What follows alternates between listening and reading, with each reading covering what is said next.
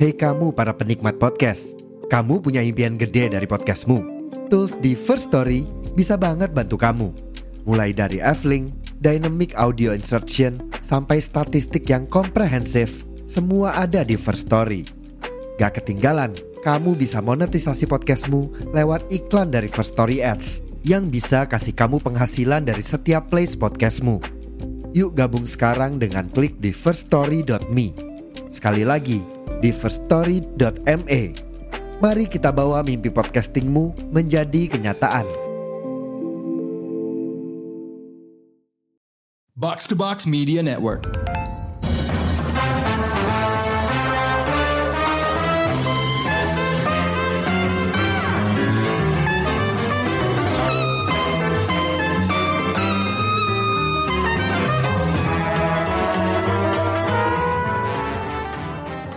Pendengar Showbox, di episode kali ini kita mau nge-review sebuah judul yang sepertinya udah lama banget nggak kita omongin, tapi karena ada musim baru yang baru tayang, salah seorang reviewer kita yaitu Bapak POM Gerengga mengusulkan reviewnya. Dan serialnya adalah True Detective. Ini gue mau cerita dulu ya guys, jadi tolong sabar ikutin cerita gue. Jujur, sebenarnya gue nggak terlalu semangat pada awalnya pengakuan gue adalah gue nggak ngefans sama True Detective sama sekali sebenarnya. Jadi season 1 itu gue akuin oke okay lah jalan ceritanya uh, rapi dan ya uh, penampilannya lumayan tapi slow burn-nya itu loh nggak tahan kayak harus banget ya lama-lama sama misterinya dan di mana semua orang memuja-muja Matthew McConaughey dan Woody Harrelson gue merasa sebenarnya biasa aja gitu. Jadi ketika akhirnya dilanjutin ke season 2 dan season 3 ya gue be aja gitu. Paling gue tonton episode 1 di musim 2, musim 3, tapi abis itu gue give up karena lagi-lagi slow burn dan uh, terlihat agak pretensius buat gue. Udah gitu gue heran, kok masih aja sih dibikin True Detective dari season 2 ke season 3 aja waktu itu udah ada jeda 4 tahun. Season 2 dirilis 2015, season 3 dirilis 2019. Waktu itu gue pikir udah selesai nih gitu. Eh nggak taunya season 4 muncul dengan jarak 5 tahun dari season 3.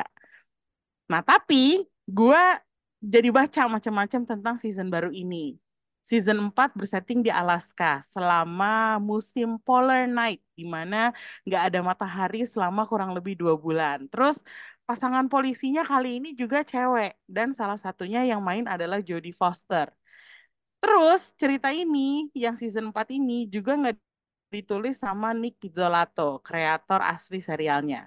Mungkin bagian paling terakhir ini yang menarik buat gue karena gua udah sering denger selentingan kabar bahwa Nick Pizzolato itu susah diajak kerjasama.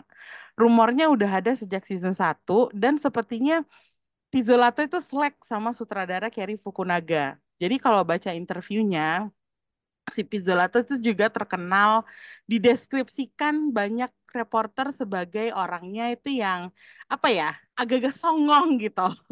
Jadi gue agak males aja nonton karya-karyanya dia. Dan uh, karena season 4 ini nggak pakai keterlibatan dia jadi gue pikir oke okay lah ayo kita nonton sekarang. Dan ternyata musim 4 ini geraknya lebih cepat jadi gue udah siap-siap kesel sama slow burn-nya tapi yang gue dapat justru bukan slow burn di episode 1 pembunuhannya terjadi dengan cepat dan di reveal dengan gamblang, nggak ada yang dilambat-lambatin atau ditutup-tutupin. Pokoknya ada delapan ilmuwan di Arctic Station yang jasadnya udah ditemukan di es beku dengan pose ketakutan. Habis itu polisinya nongol, mereka adu mulut, terus ngomongnya cepet juga, nggak kayak ngelanturnya Matthew McConaughey. Jadi jadi gue tertarik nonton dan langsung nge-binge sehari doang selesai, nggak pakai lama-lama. Jadi Oke, okay, thank you juga kepada Bapak POMG yang udah ngusulin judul ini. Akhirnya gue jadi tahu kalau True Detective udah berubah gitu. Nah sekarang gue pengen nanya balik nih ke Rengga. Reng, tuh lo masih inget kah uh, True Detective musim-musim sebelumnya yang yang mana season yang paling lo inget dan paling berkesan buat lo? Uh, tentu saja season pertama ya. Oh, oke. Okay. Karena gue suka banget sih di, di situ. Duo itu. Kalau lo nggak suka, gue suka banget sih. kayak, kayak mereka beneran beneran chemistry-nya bagus banget. si Matt sama si siapa Woody Harrelson dan ternyata Hmm. karena mereka saking deketnya ternyata mereka bersaudara. Hah, tau mereka bersaudara gimana? Gak tau gak sih gosip itu? Enggak, enggak tahu gosip apa-apa gue. Sepupuan ya, sepupuan atau apa gitu di atas ya? Bukan? Enggak satu bapak, satu bapak. Hah, serius? Oh, gosip tapi ini gosip. Nggak tahu sebenarnya nggak tahu nggak jelas atau enggaknya. Coba kan kalau nggak salah me- bapaknya siapa ya? Bapaknya si Woody Harrelson itu Woody Harrelson kalau nggak salah bapaknya itu kan eh kontrak killer kan, pembunuh bayaran. Terus nggak jelas juntrungannya ke mana. Terus mereka tuh kadang nggak nyocok-nyocokin gitu. Eh bapak gue dulu ke sini loh. Eh bapak gue juga waktu itu kalau nggak salah ke situ. Terus jadinya kayak dicocok-cocokin, jangan bapak kita sama nih gitu. Cocok logi. Iya ya. cocok lagi. Aduh. karena mereka saking saking apa sih saking saking dekatnya terus mukanya kan nggak beda-beda jauh tuh mirip-mirip lah ya terus jadi kayak Season- gitu Season 1 berarti lo ya. Gue pikir Season karena satu. Ada Alexandra Daddario, gue pikir karena. eh gue trauma. plus plus plus Gua- plus plus Gue ya trauma loh nonton Alexander Daddario di situ. Soalnya kan di situ dia naked ya, naked scene gitu. Iya, Tapi gue baru gue baru habis nonton dia di Percy Jackson, yang mana itu serial anak-anak. Jadi gue kayak, hah, gila, nih bintang serial anak-anak kenapa telanjang gitu. Tapi terus ya ya udah sih, maksudnya kan itu perannya dia aja gitu. Cuman gue kayak, iya tahu, tapi gue kayak agak shock aja gitu. Dan jaraknya juga nggak jauh-jauh banget, Reng. Jadi antara Percy Jackson yang kedua sama True Detective yang pertama itu jaraknya cuman setahun apa dua tahun gitu. Jadi masih membekas gitu loh keremajaan dia gitu. Terus tiba-tiba dia di serial True Detective buka baju. Terus gue kayak, hmm, oke shock gitu. Hmm. Shock gitu. Tapi Shock lo yang lo tonton cuman season 1 doang. Season 2, season 3, gue nonton season 2, season season satu gue 3 nggak nonton. nonton. season satu gue nonton.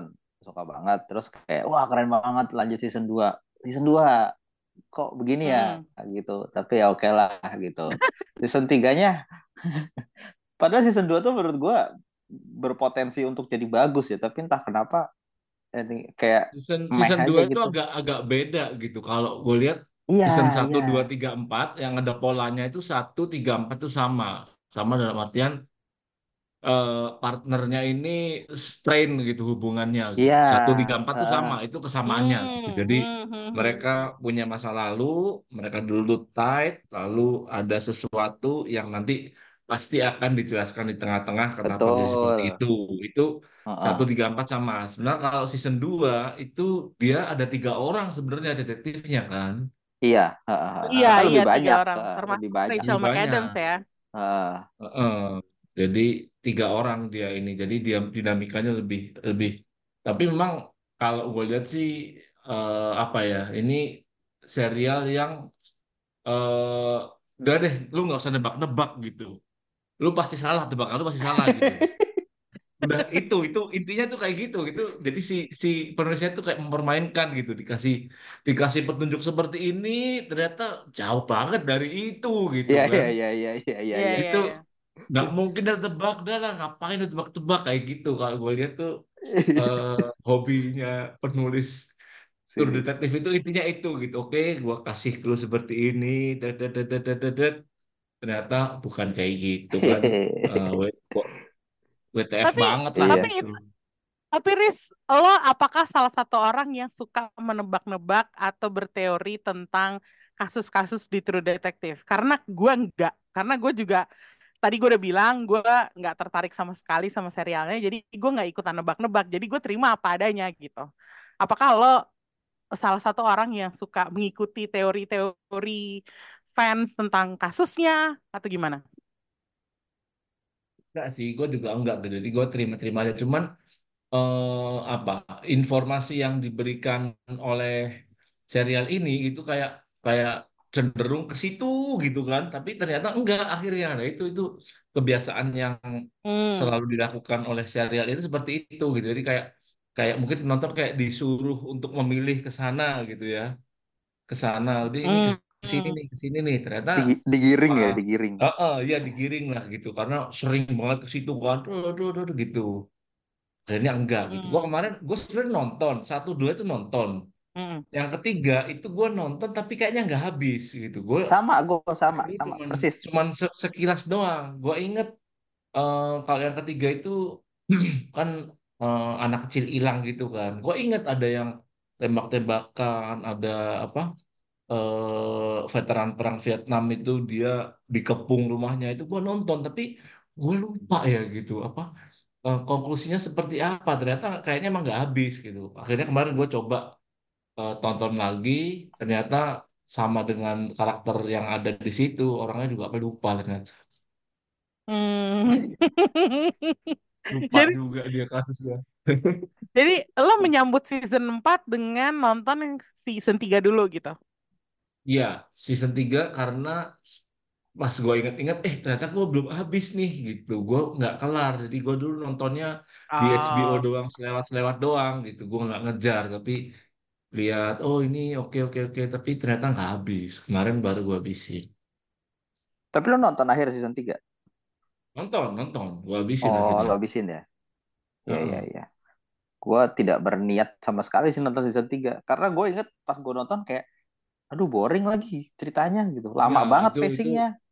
memang iya boring itu lebih dan nggak nggak apa ya kalau kalau satu kan mirip-mirip apa ya ada ada ya kalau satu kayak kedalaman Amerika ya maksudnya Amerika eh, Amerika Serikat yang udiknya lah gitu kan gitu kalau satu iya. kalau kedua kan kedua mirip lah ya panas-panas gitu kalau yang ketiga ini kayak nggak ada serunya maksudnya eh, scale kasusnya itu kecil gitu Hmm. Skupnya Ya. kecil banget cuma satu kalau kota kalau itu dua doang kan. kan kalau dua kan kota kan dia kan satu kota gitu kan kejahatan Iya. kota gitu kalau ini memang ya kayak keluarga doang yang ketiga nih yang ketiga itu memang cuman mm, hilang udah gitu Oke. Tapi berarti Keren. lo lo sendiri Reng nggak nyelesain season 3 sama sekali ya, nggak kayak Faris ya? Enggak, enggak. Karena gue pas kayak, ah enggak lagi gitu. Enggak deh, enggak deh gitu. Males gitu. Gue nanti kasih 4 aja langsung udah. Gas. itu kan lagi kayaknya kan itu kan ada ini kan si yang main cyborg itu kan Ray Fisher kayaknya setelah dia main di di apa itu yang Justice League kali ya terus diajakin ke situ terus eh, sama Mahershala Ali kan dia di situ yang satunya Oh, kan ada Ray Fisher ya? Eh, Ada kayaknya. anaknya anaknya Mahershala Ali satu Oh, lagi si gue bahkan ini lupa. Stephen Dorff Oh, partnernya Itu partnernya kan, Steven Dorff. partnernya iya heeh. Oke. Oke, berarti ini ada pendekatan yang berbeda-beda ya menuju season 4. Kayak Faris nonton season 3 dulu, dia urutin. Gue sama Rengga langsung terjun ke season 4 gitu. Em, kalau lo Reng, season 4 gimana rasanya? Beda kah? Karena ini nggak ada keterlibatan Nick Pizzolatto ya. Terus ceritanya lebih feminis juga gitu. Dan seperti yang udah kita kita sempat bahas waktu itu selama serialnya tayang, ini ada keterlibatan dunia paranormal juga gitu. Em, apakah menurut lo season 4 itu masih terasa seperti True Detective? Masih sih. Justru yang pertama itu kan lumayan lumayan paranormal ya. Bukan, iya sebenarnya nggak paranormal sih, lebih kayak mistis. Kemistisan itu kan. Dan di Ya, season 4 mistis. sebe- sebe- sebenarnya berasa sih walaupun yang nulis bukan si Nick Pizzolatto ya. Bahkan season 4 ini kelihatan gamblang banget itu diliatin kayak itu setannya tuh gitu. Jadi benar-benar kayak hantu gitu. Supernatural banget. Tapi gue suka sih. Masih berasa Hmm. ininya feel Oke. True Detective ya. Masih berasa ya menurut lo? Iya. Ya masih Kalau masih berasa. lo Riz gimana Riz? Nah, jadi ini kan lebih cepat ya cuman 6 episode kan. Jadi lebih Ya. Cepat selesai. Cuman eh, yang gua apa ya ini mungkin sorry kalau spoiler ya, nggak- gua nggak tahu spoiler banget. Cuman eh, konklusinya itu dengan dunia supernatural yang diperlihatkan itu eh, nggak nyambung gitu. Itu yang yang yang gua sayangkan sih di situ gitu. Eh, Bahwa ternyata nggak supernatural banget gitu ya?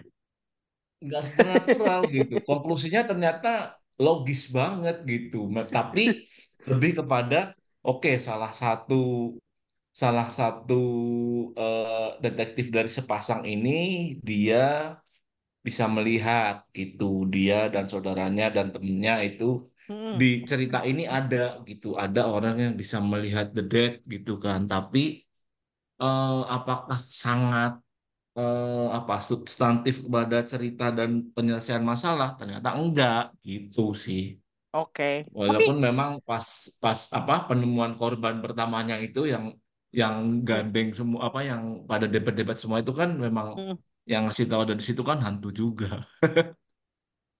Nah, Nih, itu. eh, oke oke, Eh, tunggu dulu tunggu dulu. Nih, gue pengen tanya sama Faris, apakah lo lo kan satu-satunya orang yang nyelesain masing-masing musim nih, setiap musim lo selesain race. Ini Hmm. menurut lo season 4 ini feel-nya lebih true detektif daripada season 2 atau justru season 4 ini karena nggak ditulis Nick Pizzolatto jadinya beda sendiri? Gimana? Secara nah, itu. kesinambungan gitu. Eh, masih sebenarnya sih masih. Cuman ya itu eh, kalau kalau yang pertama itu kan pelakunya itu percaya ya bahwa dia itu kayak eh, utusan ya. Utusan Hmm, Tuhan kalau nggak salah yang hmm, pertama itu kan. Hmm, jadi dia percaya dengan pikirannya bahwa dia adalah eh, utusan Tuhan dan dia melakukan kekejaman-kekejaman ini eh, sebagai bentuk penghukuman dari Tuhan untuk manusia yang nggak patuh gitu misalnya. Hmm. itu dari sisi pikirannya si pelaku doang gitu kan. Hmm, tapi nggak ada hantunya benar-benar eh, supernaturalnya tuh nggak ada gitu. Hmm. kalau dua sama tiga benar-benar nggak ada kan memang nggak ada memang detektif biasa. Kalau yang keempat itu ya itu tadi eh, sayangnya horornya ada gitu. Memang ada horornya hantunya ada gitu kan suara-suara terus penampakan-penampakan jump scare itu ada semua gitu yang tidak kita temukan di season-season sebelumnya gitu. Tapi Hmm. istilahnya kenapa lu munculin kalau ternyata konklusinya itu nggak ada itu nggak nyambung sama hantu-hantu yang lu munculin kemarin-kemarin gitu sih. Wah itu doang aja sebenarnya ke kekecewanya mungkin ya itu. Mungkin kalau ada uh, Pizzolatonya mungkin hantunya akan diredam sama dia gitu. Kalau menurut gua ya gitu. Kayaknya sih kalau kalau menurut gue nih eh, si Isa Lopez penulis season 4 ini tuh justru itu ya dia karena bukan dia yang nulis jadi dia berusaha untuk sedekat mungkin sama season aslinya yang bikin serial ini populer gitu. Ya nggak sih? Kayak gue merasa kok dia homage-nya tuh kencang banget ke season 1 sampai dia akhirnya masukin unsur mistis itu juga gitu. Kalau menurut lo gimana, Reng? Menurut gua kalau soal hantu-hantu ada itu tadi ya, mungkin kalau si Nick Pizzolatto yang nulis hantunya beneran ngebunuh kali ya? Terakhir. Beneran. Hantu gitu. Jadi ya. Ya bisa semua gitu. gitu. Betul, betul, betul. tapi sebenarnya pendekatannya menurut gue menarik sih di season 4 ini. Hantunya bukan bukan menjadi biang keroknya tapi justru apa ya membantu untuk memecahkan misteri ini gitu. Dari Iya, dari sejak awal kan. Iya. kayak ini orang-orang yang emang arwahnya tuh nggak tenang. Jadi mereka berusaha untuk membantu yang hidup untuk memecahkan misteri ini. Dan dari sejak awal kayak si hantu. Nah yang tadi Faris bilang itu kan yang hantu yang nunjukin itu Mm. itu rumornya aja rumornya teorinya adalah itu bapaknya si siapa Matthew McConaughey, si Last Call. Iya, gue ya tahu. Iya, kan itu. ah. Soalnya namanya ya itu namanya sama, Travis Cole. ya betul Ha, ya itu kan dari awal udah ditunjukin terus eh, apalagi sih yang si siapa si dua polisi itu yang ngebunuh suaminya yang Oh. kasus kan. Ya itu kan hantu hantu istrinya juga kan bilang kayak dia yang bunuh gua gitu. Jadi kayak semuanya tuh ceritanya sebenarnya lebih, lebih ke si semua hantu-hantu ini membantu si karakter utama sebenarnya untuk memecahkan ini. Pendekatannya Hmm, menurut gua menarik sih. Oke. ternyata hantu itu tidak tidak jahat mereka mereka baik hati cuma bentuknya serem gitu Nih, eh, Faris waktu itu adalah orang yang pertama ngasih tahu gue bahwa ini kok banyak hantunya sih gitu. Lo menurut lo, Riz, em, ada hantunya bikin bikin spesial atau atau lo justru kayak malesin? ya kalian semua tahu kan banyak horor ya kan Iya, itu dia. kaget tuh ya gue sama Faris kan anti horor sama-sama tapi gitu. udah ya udah terlanjur juga gitu kan aduh gitu ah ya udahlah akhirnya ya paling ya gua mute gitu aja paling Tapi kan hantunya baik-baik, Riz. Semuanya pada nunjukin ada ya ada yang serem, pembunuhnya. ada yang serem kan yang yang kayak di yang ada yang apa ilmuwan hilang lama itu kan ada tuh yang si muncul gitu kan cuman kalau yang yang sama yang ibu-ibu tua itu yang siapa itu namanya yang ngasih tahu itu kan kalau dia kan muncul-muncul doang nggak ngagetin gitu cuma di di apa di cawe-cawe gitu. Oke, Em, nih gue pengen ngebahas eh, khusus untuk season 4 tentang settingnya. Eh, kalau gue suka banget bahwa settingnya ditempatin di tempat kayak Alaska yang nggak ada terang-terangnya selama berapa belas hari itu gitu. Sampai harus pakai timestamp gitu loh. Jadi gue lumayan terbantu dengan timestampnya itu untuk ngebedain mana yang sebenarnya hari, mana yang sebenarnya malam gitu. Em, menurut lo settingnya tuh ngebantu misterinya untuk jadi lebih mencekam gak sih? I- iya sih, iya banget. Gua gua stres banget sih mikirnya kalau di situ kayak gak pernah lihat matahari. Berapa bulan? Sebulan, gila sih. Hmm. Bahkan Beneran kita itu. aja yang nonton jadi stres ya. Iya, gue nonton aja stres banget gitu. Gimana orang yang beneran tinggal di sana ya? Kuat banget Iya, mereka. nggak ada nggak ada sinar matahari itu juga apa menandakan itu present time ya berarti kan kalau kalau yang zaman kalau yang season sebelumnya kan yang Ya, menandakan eh, flashback itu dari make up dari Iya. utamanya dari make up gitu. Kalau ini Nah. kan udah jelas kalau dia ada day berapa atau night berapa itu berarti oh itu present time gitu. mm-mm. Lebih gampang gak sih jadinya ngebedain antara masa lalu sama masa masa Lebih sekarang gitu, gampang iya gak sih? Iya, lebih ada gampang. ada tandanya itu jadi lebih gampang. Terus Iya. karena ya episodenya sedikit ya jadi nggak terasa draggy gitu kayaknya. Mungkin juga eh itu juga sih yang oh udah nih 6 udah selesai gitu. Kalau dulu kan 10 10 gitu. Sepuluh ya? Iya. Wah, banyak banget ya. Iya, Sepuluh. 10. Iya. Wah, Ah. oke. Pantesan dulu gue gak betah nontonnya. ya. Yang sekarang bisa di binge sehari gitu. Yang dulu-dulu gue nggak mungkin bisa ini sih. Nggak bisa. Untung juga bukan 10 episode yang sekarang ya. Karena kalau gelap-gelap gitu juga 10 episode males juga sih gue nontonnya. Yes. Iya. Hmm. Iya. Tapi pacingnya juga cepet sih menurut gua. Tiap ka- tiap Ya. satu episode selesai itu langsung apa ceritanya maju gitu. Mm-mm. Begitu Ya, episode ada, nggak ada ending yang, episode ada ya. kayak yang eh, hangovernya gitu yang, oh, aduh, ngapain gitu, nggak ada sih di sini. Iya, heeh. Satu satu episode itu, oke, ada ada apa, ada apa, udah buka satu, buka satu, buka Iya, satu. betul. Puzzle-nya kebuka satu-satu, nggak kayak ada filler di tengah-tengah gitu. Hmm. Tapi lo lebih suka yang kayak gini atau yang kayak zaman dulu? Ah, gue suka sih yang ini sih yang sekarang. Maksudnya jadi cepet gitu loh. Pet, pet, pet, pet, pet, selesai gitu. Hmm. Kalau yang dulu itu sebenarnya eh, kerasa apa ya? Kan dulu kayak ceritanya yang season 1 ya, seingat gua. Mm. Itu kayak maju kayak maju mundur gitu kan. Kayak wah udah mau sampai sini, udah mau habis tiba-tiba loh balik lagi ternyata salah gitu. Akhirnya mundur balik lagi ceritanya gitu kan. Makanya menurut gue itu yang season 1 bisa seru kayak gitu. Bisa 10 episode karena jadi kayak ditarik ulur. Itu sebenarnya kalau buat orang yang bosen kayak ya elah lama gitu. Tapi buat gue sih season 1 jadi nggak ngebosenin gara-gara itu sebenarnya. Karena tarik kita- ulur ya. iya ditarik ulur gitu. Makanya bisa sampai 10 episode nggak bosen buat gue gitu. Tapi itu season 1 doang. Season 2 sama 3-nya kayak nggak lagi gitu. Nggak, nggak gitu. Oke, Farid gimana Riz? Pendapat lo tentang um, pacing ini? Eh, iya, gua apalagi kan gua kalau satu dua, gua karena gua habis, gua kemarin akhirnya cuman nonton recap doang di YouTube. Kalau yang tiga itu gue tonton beneran kan, beda banget sama yang empat ini gitu. Yang tiga itu, aduh gitu kan, Eh, udah udah yang main itu kan udah tua-tua gitu kan, lambat, terus ceritanya juga pikun, dia pikun tuh kan yang ketiga tuh, jadi aduh makin lama gitu kan.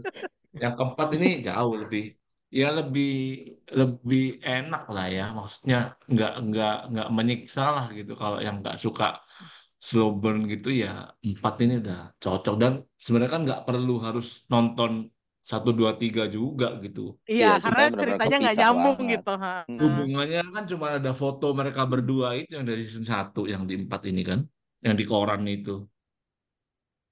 Gue Eh aja nggak bahkan sih? nggak Eh bukan merhatiin. ya? Gua Ada yang mana? ada kan ya kalau nggak salah? Apaan yang Oh mana? bukan bukan. Berarti ini ini logonya yang sama sama season satu. Logo spiralnya itu ada di season Oh satu. iya benar benar. Kalau itu iya. Oh, ha. Logonya. oh, oke oke. Kalau yang season Lambang lambang 3 spiralnya itu itu. Hmm, season lambang spiral. 1. Kalau yang season 3 eh, Woody Harrelson sama itu masuk koran ada di season 3. Tuh, Hmm. nyambungnya satu sama Oh. tiga tuh. Hmm. Kalau empat ini Oh. ya itu logo spiral yang ternyata kupasan kulit jeruk. Iya. Siapa yang ngupas jeruk kayak gitu sih? Gue kayak jeruknya dikupas gitu. Gue begitu. Oh ya itu sorry tadi eh, nyambung itu ya apa? Apa yang eh, si logo itu ya itu kan di serial ini kan ada yang wah ini this is older than Ennis gitu kan. Itu. Ren, Iya. yang yang yang gua agak kecewa tuh di situ gitu mungkin. Jadi ya itu mungkin bukan kecewa ya tapi ya itu kayak ada eh, digiring ke situ tapi ternyata enggak gitu kan. Termasuk itu kan tuh eh, oh ini ini bahaya nih kalau ada logo ini nanti ini harus pergi nih kalian jangan deket-deket kalau udah ngelihat seperti ini kan bilang kayak gitu kan. Iya. Ada yang juga bilang ini this is older than this place segala macam. Nah itu kan Mm-mm.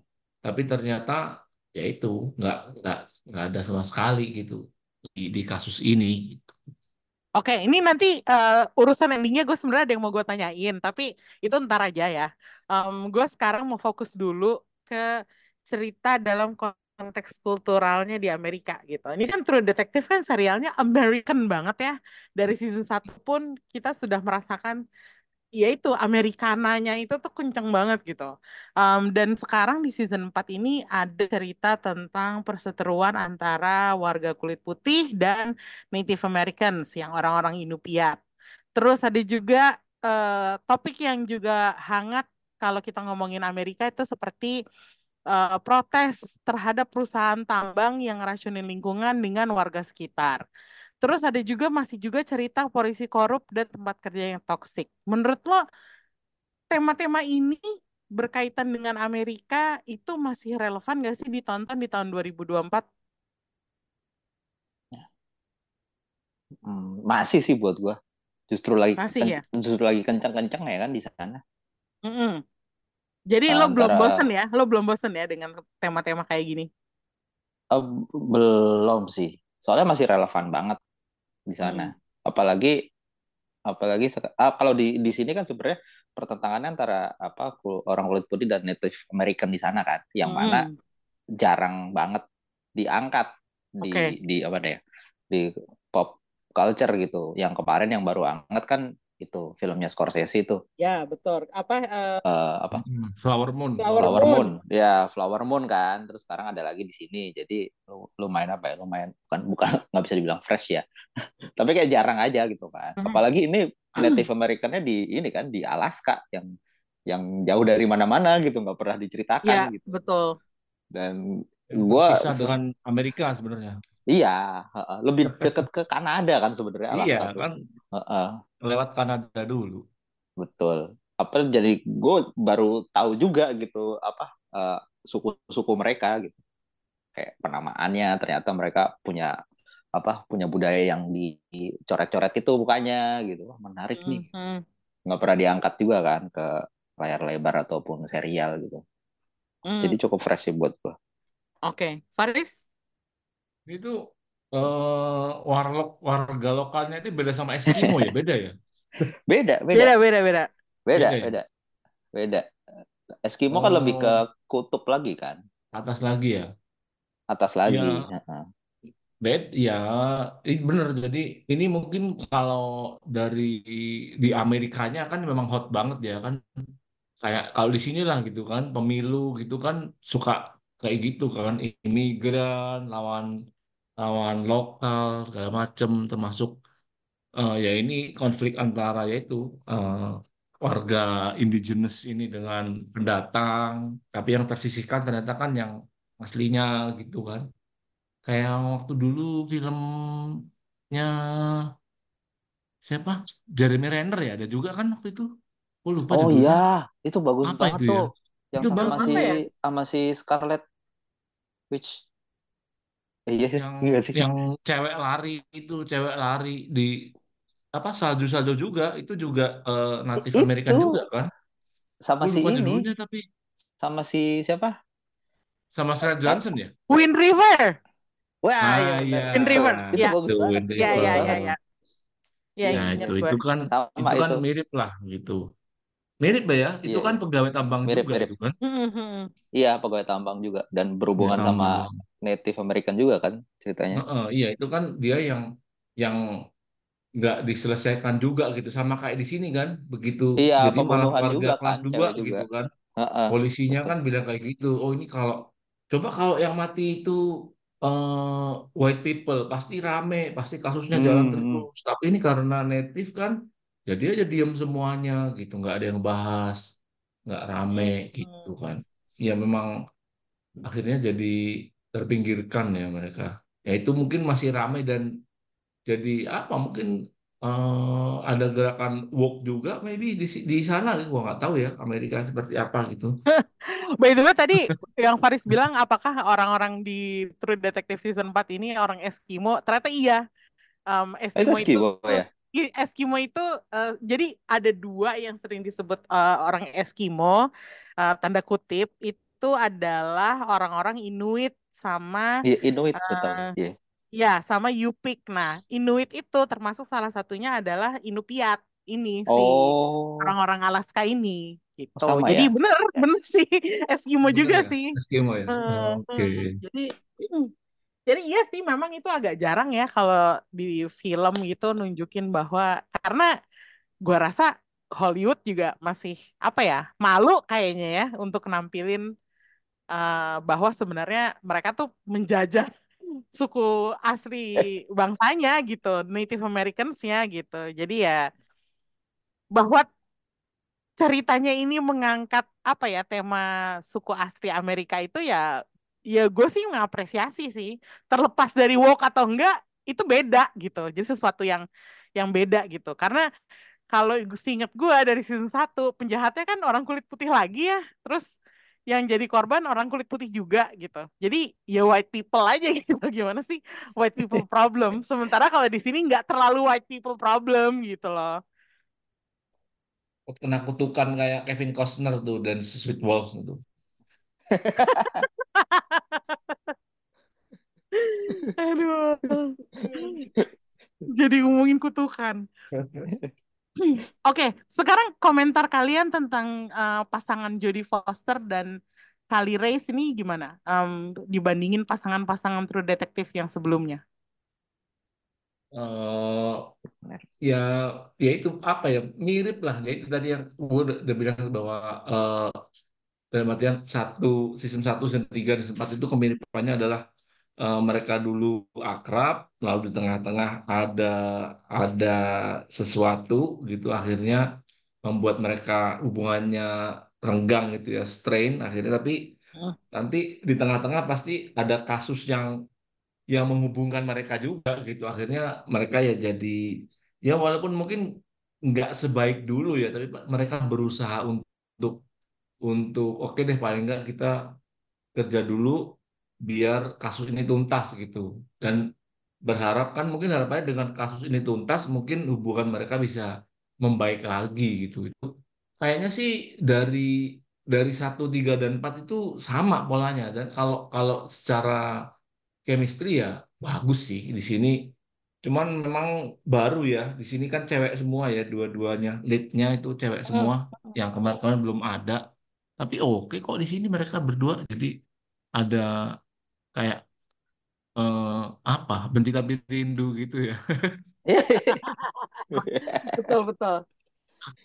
Tapi gitu oke lah di sini tapi gue terganggu ya sama karakter Jodie Foster itu keren banget gitu. Gue agak-agak susah untuk suka sama si polisi yang namanya Liz Danvers itu. Menurut lo ini karakterisasi yang nyebelin ini tuh prestasi baru buat Jodie Foster atau kayak terlalu ngeselin sih buat diikutin gimana menurut lo? Gimana, Riz? Eh, ya itu kayak satu serial sat- satu kota itu nggak ada yang suka sama dia ya di Jadi wajar lo sih gak suka sama dia juga. satu kota itu nggak ada yang cocok sama dia gitu kan bener-bener nggak ada yang cocok lah. akhirnya sampai itu merembet juga ke penonton itu Emmy itu kan kayak kena juga tuh Tapi berarti ini aktingnya dia bagus ya atau gimana menurut lo?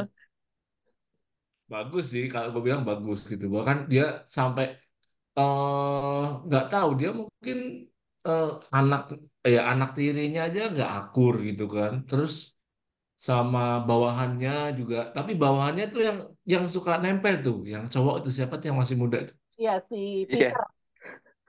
dibabuin nah banget itu gitu. itu mau-mau aja mau-mau banget gitu disuruh-suruh sampai ngapa-ngapain masih mau sampai keluarga dia sendiri berantakan gitu kan.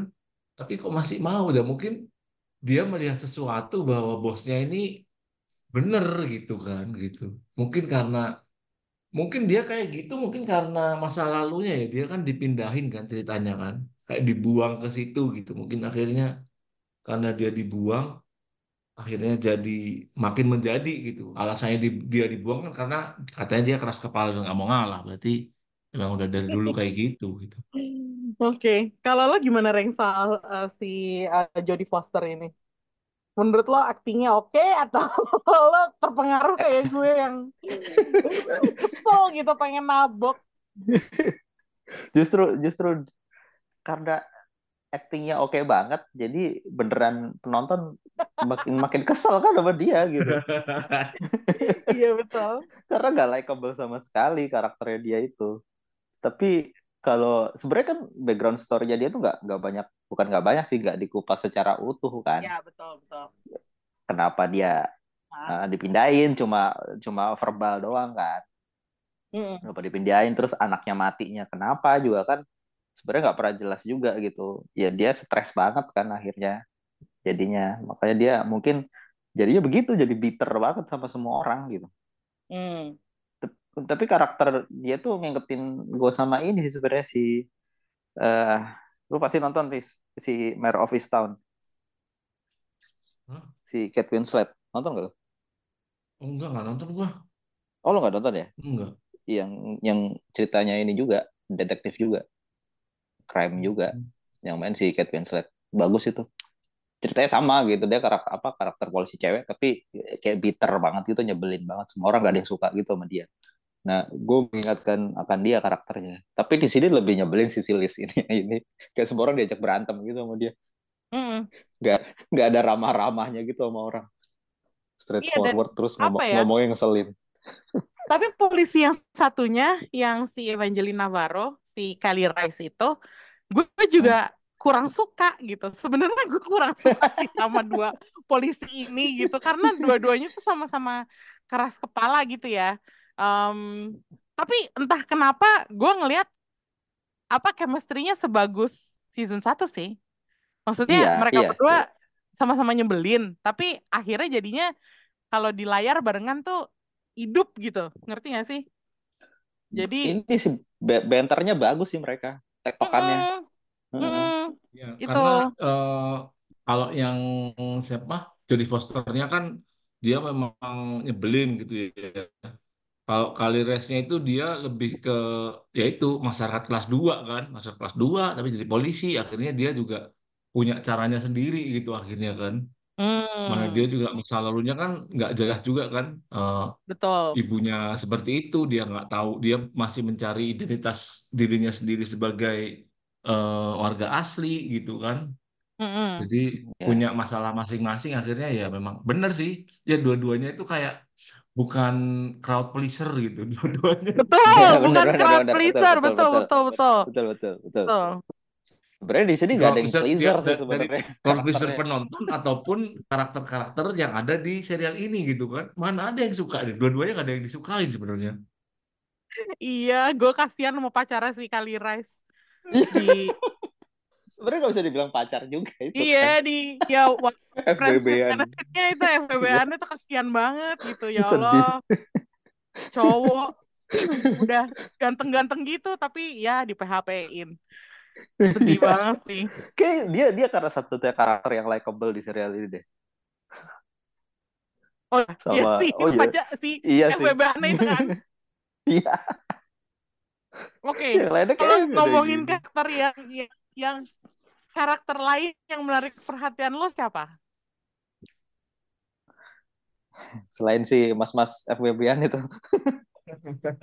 Iya betul, bartender Bartender kan pemilik barnya. restoran. Iya. Pemilik restoran ya? Iya. Itu. Hmm. si- siapa ya? Itu sih si gue suka yang cukup mencuri perhatian si nenek-nenek itu yang oh tinggal itu sendirian. nenek-nenek hippie Chill itu ya. banget. Iya, chill banget Oh, hidupnya. Iya. si nenek-nenek itu kan itu kan uh, tantenya Harry Potter. Iya, iya. emang ya? Iya, si Oh iya. Fiona Shaw Lupa di, gua. dia main jadi tante petunianya Harry Potter. Makanya Oh di iya sini ya. di sini kok ya Allah Jagger banget ya oma-oma ini satu gitu. Kayak apa nyembelih hewan dia sendiri. Terus Nyembeli orang dia sendiri. iya Kalau- mayat Iya. Kalau kalau gue justru tertarik sama itu yang tadi Faris sebutin si anak buahnya yang suka disuruh-suruh itu. Iya, sama Oh, gua itu iya. sih. Iya, ke- kenapa sih dia mau gitu? Kenapa sih dia mau disuruh-suruh gitu? Itu yang misteri besar sih buat gue. Sampai keluarganya sendiri tuh hampir hancur. Pernikahannya tuh hampir karam gara-gara si Liz Danvers. Tapi dia tetap mau ngelakuin gitu. Jadi ya itu sih. Kalau lo kenapa Riz tertarik sama dia? Sebenarnya antara dia atau bapaknya. Bapaknya itu Oh. kan eh eh, ya eh Judy Foster Bapaknya kena bilang, scam. bapak lu itu bapak lu itu kelihatannya doangnya bodoh gitu padahal sebenarnya enggak gitu kan Mm. Ternyata kan dia juga memainkan konspirasi juga kan di serial ini gitu bahwa dia itu yang harusnya itu dia jadi kepala polisinya kan tapi Mm. akhirnya jadi jadi Jodie Foster itu akhirnya dia kan kayak ketiban sial gitu akhirnya dia nggak bisa maju gitu tapi Iya. ya kayak gitu aja sebenarnya gitu ah jadi sial aja gitu pure bad luck Apes. akhirnya oh ya udah terus ketipu lagi sama eh, scammer itu itu bodoh. cuma dari awal kayak udah Dari awal udah ketahuan. ketahuan gitu. Ya elah kena scam lagi bapaknya bodoh banget. Aduh. Ya tapi beneran bodoh. Tapi tapi itu uh, penampilannya bagus juga sih ya waktu dia nungguin pacarnya di airport Iya, bawa itu bawa boneka, itu. bawa boneka itu kayak aduh itu Gue aduh berasa kasihan berasa banget. nyesek Iya gitu iya kayak. iya iya. Aduh sedih banget ini bawa bapak ketipu duitnya habis nonton lagi. kayak nonton channel AXN yang eh, yang ketipu-tipu gitu kan ada juga nih Aduh kasihan banget. Tapi Oke. kayak gue gue gue bisa ngerti sih kenapa si si siapa namanya siapa sih itu anak buahnya itu? Peter, Peter Pryor. Oh iya Peter ya. Oh, iya. Kayak dia tuh berusaha membuktikan sesuatu gitu loh kayak gue nggak nggak loser nih. Oh, Makanya dia berusaha berusaha keras untuk membuktikan bahwa dirinya tuh bukan loser gitu. Paling nggak di hadapan bosnya kan. Makanya mm. semuanya di semua diturutin gitu. Dia Kayaknya- pengen menjadi polisi yang baik gitu. Kayaknya dia ngelihat bapaknya juga kayak gue nggak pengen jadi bapak gue gitu. Kayaknya ada unsur Iya. juga gak sih? Betul. ha. Iya, Soalnya kan iya. dia kan MBA kan ceritanya kan. Hmm. Kayak padahal padahal pas SMA dia lumayan jadi apa bintang bintang hoki kan, hoki Hmm, ice terus hmm, tiba-tiba hmm. gara-gara itu sekarang cuma jadi polisi terus kayak ya lu nggak jadi apa-apa lu gitu. Kayaknya dia pengen Hmm. membuktikan sesuatu gitu. Motivasinya itu sih kayaknya. Tapi ya sih itu karakter yang ngenes sebenarnya. Oke, Em, ini sekarang ya eh, kalau kita ngomongin em, karakter, sebenarnya karakter si kreator asli Nick Pizzolatto tuh juga menarik ya karena di season 4 ini sepertinya Nick Pizzolatto tuh kayak bitter banget bahwa dia nggak terlibat sampai dia bikin postingan yang menghujat serialnya. Jadi dia sampai bikin postingan bahwa eh, dia kreator season 1 sampai 3, bukan 4. Terus gue bilang, ya iya sih, emang bener bukan lo yang bikin season 4 juga gitu. Tapi dengan eh, gue mengetahui bahwa yang itu gue sebut tadi kayak apa ya ada konflik dia sama Kerry Fukunaga dari season 1 terus kalau diwawancara eh, dia tuh kesannya rada sombong terus sempat ada tuduhan plagiat gitu eh menurut lo dengan tanpa Nick Pizzolato ini bukan season 4 doang tapi keseluruhan True Detective dengan atau tanpa Nick Pizzolato mana yang better ngerti nggak? Apakah Iya. serial ini perlu dia banget gitu?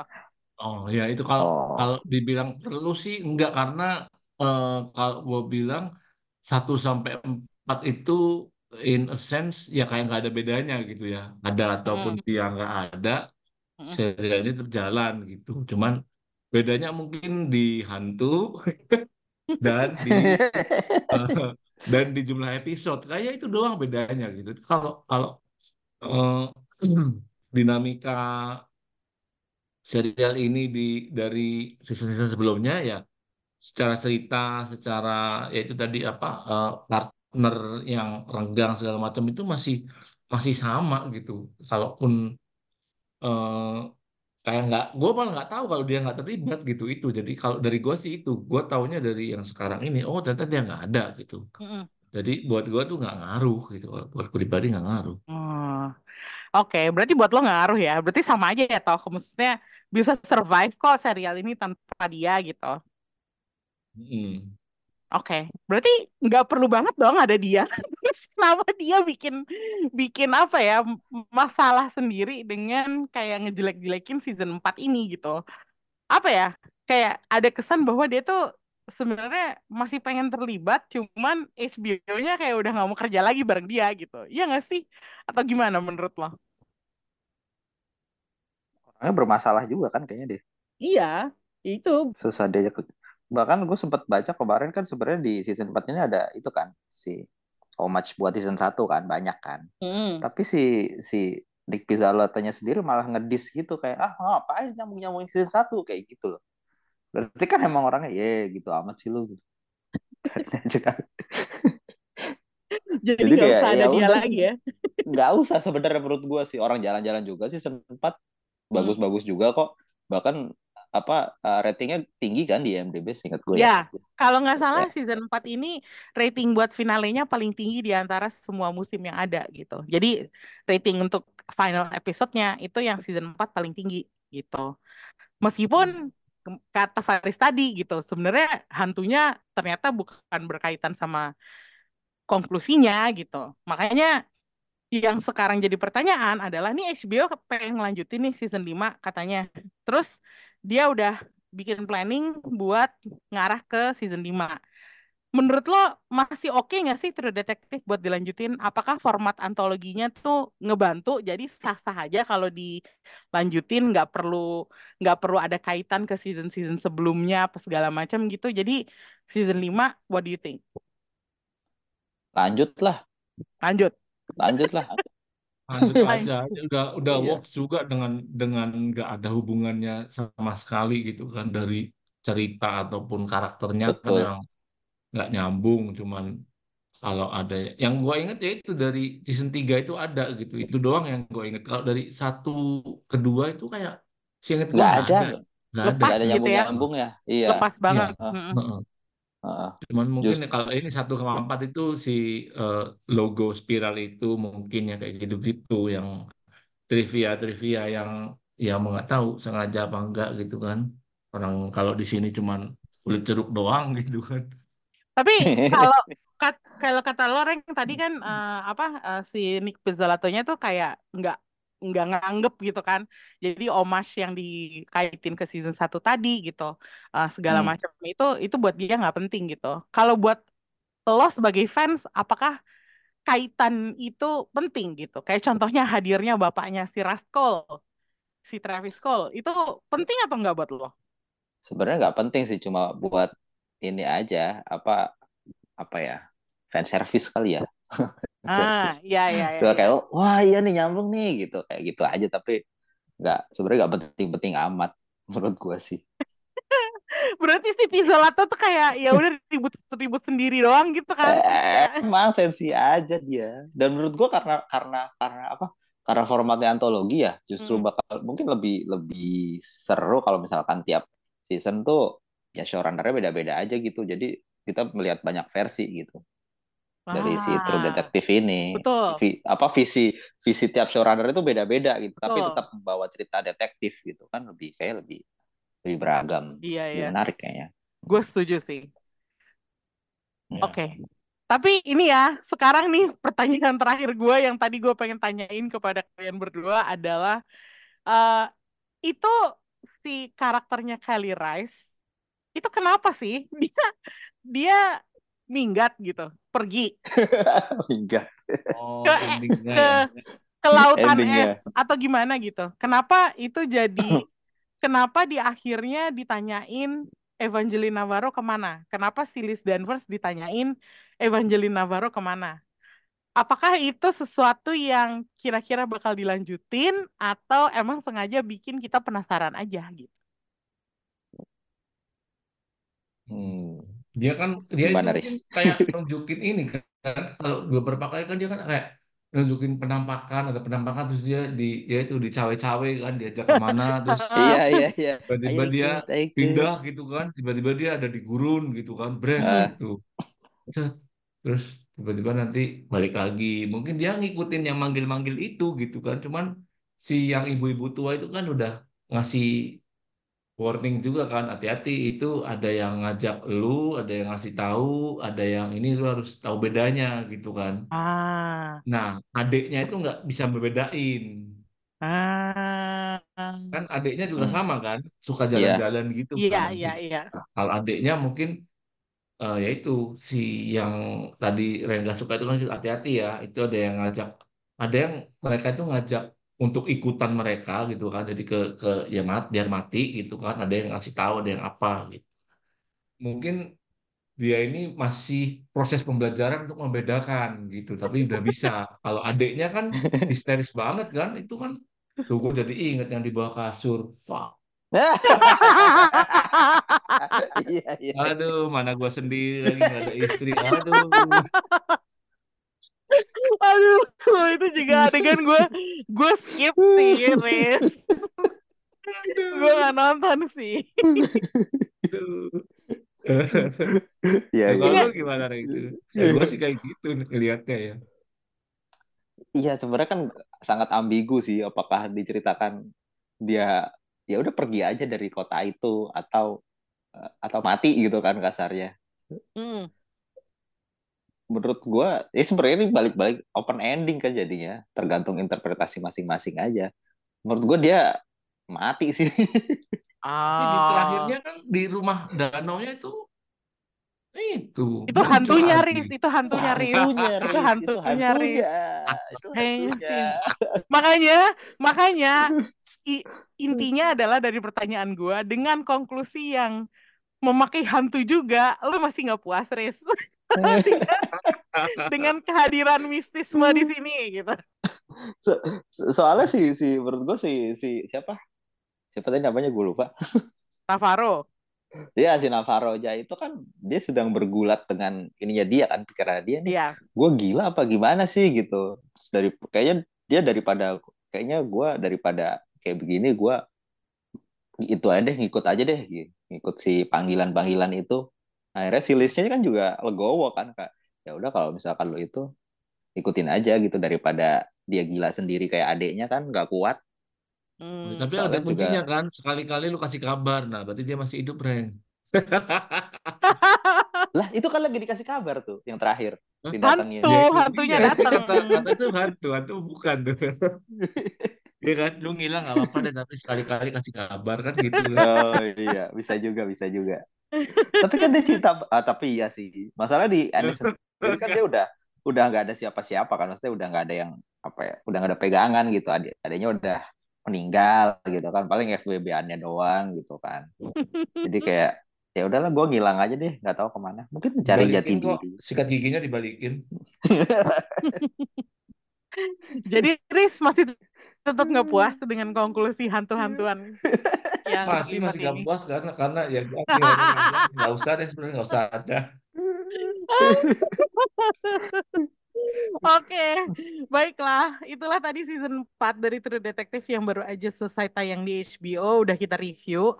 Kalau mau coba nonton season 4 dengan flavor yang beda ini, atau mungkin mau ngulang kejayaan slow burn ala True Detective 1, 2, 3, semuanya ada di HBO Go. Dan sekarang bisa ditonton uh, langganan HBO Go nggak pakai IndiHome atau First Media, tinggal bayar aja. Jadi silakan nonton ya guys. Kita ketemu lagi di review lainnya.